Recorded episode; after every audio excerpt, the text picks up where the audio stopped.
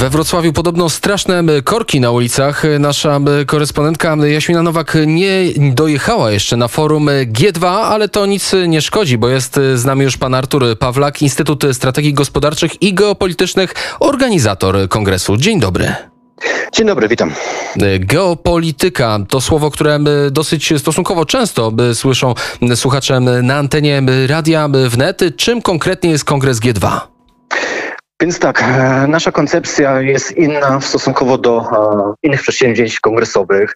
Skupiamy się na geopolityce. Chcemy połączyć geopolitykę z gospodarką e, i tym, właśnie na tym to polega. Chcemy wprowadzić geopolitykę do szerokiej debaty publicznej, szczególnie w obecnych czasach niepewnych, gdzie są duże zmiany, rotacje na różnych polach, czy to politycznych, czy biznesowych, czy surowcowych, prezesi dużych spółek, czy też nawet mniejszych, muszą podejmować świadome decyzje strategiczne i muszą wiedzieć, e, jaka jest sytuacja, jaka będzie za kilka lat.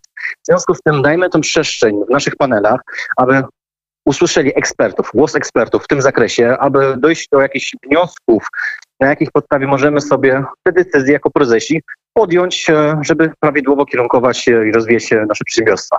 Również dla widza, który prowadzi działalność gospodarczą, e, jest to ciekawe przedsięwzięcie, bo może przez pryzmat właśnie geopolityki spojrzeć na tę rzeczywistość. Mamy bardzo ciekawe tematy, między innymi moment haltinowski, hamiltonowski w budżecie europejskim, e, który w szerokiej debacie publicznej nie został wystarczająco według nas e, omówiony. Z drugiej strony mamy aspekt jak e, przedsiębiorstwa, które mogą być motorem dla polskiego wojska, vice czy wojsko może być motorem dla tych przedsiębiorców. E, mamy w związku z tym bardzo ciekawe aspekty, e, również rozmawiamy o polityce wschodniej, jak i zachodniej, pod względem podmiotowości, na czym ona polega względem Niemiec czy Unii Europejskiej. Więc e, tutaj bardzo fajnie ciekawe tematy. Również jeden z tematów, który miałem okazję prowadzić jako prowadzący, mianowicie kryzys surowcowy. Mieliśmy tutaj bardzo fajnych, ciekawych gości, prezesów firm, którzy opowiedzieli, jak to u nich w chwili obecnej wygląda, z jakimi problemami muszą się zmagać oraz odpowiedzieliśmy sobie na pytanie, czy to jest przejściowe, czy chwilowe. To Więc... jakie wnioski? Z którymi surowcami jest największy problem w tym momencie? Obecnie wnioski są następujące, że firmy, które są długo na rynku, mają poukładane dostawców, są zabezpieczone. Nowe podmioty, podmioty słabe, e, nie dają sobie rady, ponieważ tych surowców e, jest w mniejszej ilości. I to jest na różnych płaszczyznach, między innymi e, pod względem tych surowców pierwotnych, jak i również surowców wtórnych. Z drugiej strony też debatowaliśmy pod względem kapitału ludzkiego, który może być po części wpięty w system surowcowy szeroko pojętym. Spójrzmy na Wielką Brytanię i stacje paliw, które nie mają paliwa wystarczająco, ponieważ e, nie ma kierowców, żeby dostarczyć e, te paliwa. Z drugiej strony e, docierają też informacje, że coraz mniej jest marynarzy chętnych do wykonywania tego zawodu. Dlaczego? Ponieważ restrykcje pandemiczne powodują, że nie mogą zejść do portów, że te rejsy trwają dłużej, dwa razy niż normalnie. W te obciążenia wokół pracy są dla tych osób trudniejsze. Będzie brakowało marynarzy, w związku z tym będzie mniej transportu morskiego za chwilkę. To są różne takie sytuacje, na które przedsiębiorcy muszą się, muszą się przygotować, muszą się zabezpieczyć. E, wniosek jeden z tego panelu. Potrzebujemy strategii e, legislacji stabilnej, która mimo tych niepewnych czasów daje nam pewną stabilizację. Czyli niepewne jest prawo, jak rozumiem, polskie. E, Nie tylko prawo, surowce, od których jesteśmy uzależnieni tak, na rynkach światowych, ale także to, co się dzieje tu i teraz, ramy prawne. Otóż to. Potrzebujemy stabilnej legislacji. Nie mówię o legislacji jakiejś, po prostu stabilnej, aby ona była ciągła, ukierunkowana. Takie głosy uzyskaliśmy od prelegentów. Czyli takim, z takim wnioskiem możemy zakończyć ten panel. Honorowym patronem wydarzenia jest prezes Rady Ministrów Mateusz Morawiecki. Może dotarły do niego te głosy? Liczymy na to, że geopolityka dotrze do szerokiego e, spektrum słuchaczy. E, właśnie celem naszego wydarzenia, naszego forum jest wprowadzić geopolitykę do debaty publicznej.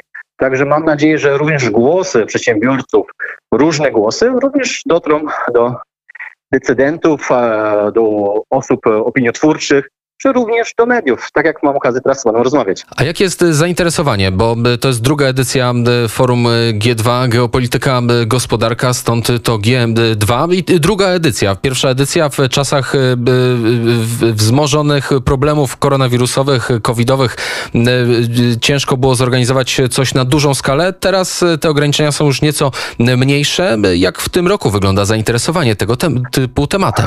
Dzięki temu, że pierwsza edycja e, udała się sukcesem, e, jest to zainteresowanie zdecydowanie większe. Łatwiej się nam rozmawiało z partnerami, łatwiej się nam e, docierało do osób zainteresowanych. W związku z tym ilość gości też jest zdecydowanie większa. Mimo, mimo tych jednak restrykcji, jakie są, powodują, że pewne osoby nie zdecydowały się uczestniczyć e, w panelach, ponieważ unikają e, większych skupisk lud- ludzkich. Niemniej jesteśmy zadowoleni z e, ilości osób, które dzisiaj zdecydowało się nas odwiedzić. Rzecz dzieje się na stadionie we Wrocławiu. Były karnety, bilety do kupienia. Czy jest jakaś, jakiś rodzaj transmisji online dla tych, którzy nie dojadą do Wrocławia, którzy się zagapili, którzy nie doczytali? Zapraszamy e, osoby, które są we Wrocławiu na stadion Wrocław. Można kupić bilety online na naszej stronie forumg2.com. Transmisja będzie, ale dopiero z, opóź- z opóźnieniem, ponieważ e, panele, które dzisiaj się odbywają, są nagrywane i będą udostępnione na naszym e, kanale e, na YouTubie. Więc również zapraszamy do subskrypcji tego kanału, lajkowania, żebyś Państwo, którzy są zainteresowani geopolityką, mieli okazję e, zapoznać się z tymi materiałami być na bieżąco. To jeszcze wspomnijmy, jakie nazwiska, jakie osoby znalazły się na stadionie we Wrocławiu. Minister Michał Dworczyk, Olga Semeniuk, Ireneusz Zyska. To strona polityczna, ale także choćby Jacek Bartosiak, Bartłomiej Radziejewski, Radosław Pyfel. Kto jeszcze? Leszek Cekulski, oczywiście nie można e, pominąć. Marek Budzisz, e, bardzo też interesująca osoba, e, która jest dzisiaj u nas również od strony biznesowej. Mamy prezesów takich firm jak 3MK, jak Whirlpool, jak Selena FM, jak Rafplak, pan Rosław Kelder. Więc mamy również te elity biznesowe tutaj na miejscu i łączymy właśnie tą geopolitykę z biznesem, gdzie też otwarte umysły biznesmenów, którzy prowadzą ten biznes na skalę światową, oni są bardzo zaciekawieni e, geopolityką, tym tematem, ponieważ sami widzą, że zmienia się, idą zmiany i chcą się do tych zmian przygotować. Tak y, jest. Trzeba mieć strategię, trzeba mieć plan i przygotowywać się, tak jak pan powiedział, najbardziej stabilne są firmy, które miały już wyrobione odpowiednie kontakty i strategię przetrwania na trudny czas. Dziękuję serdecznie. Mówił Artur Pawlak, Instytut Strategii Gospodarczych i Geopolitycznych, organizator kongresu G2. Dziękuję i do usłyszenia. Dziękuję, pozdrawiam. I do zobaczenia za rok na kongresie. W tym roku już mi się y, niestety nie uda, ale też do zobaczenia w studiu, mam nadzieję, niebawem. Dziękuję serdecznie. Do usłyszenia. Jest godzina 12.54. Zagra Freddie Mercury.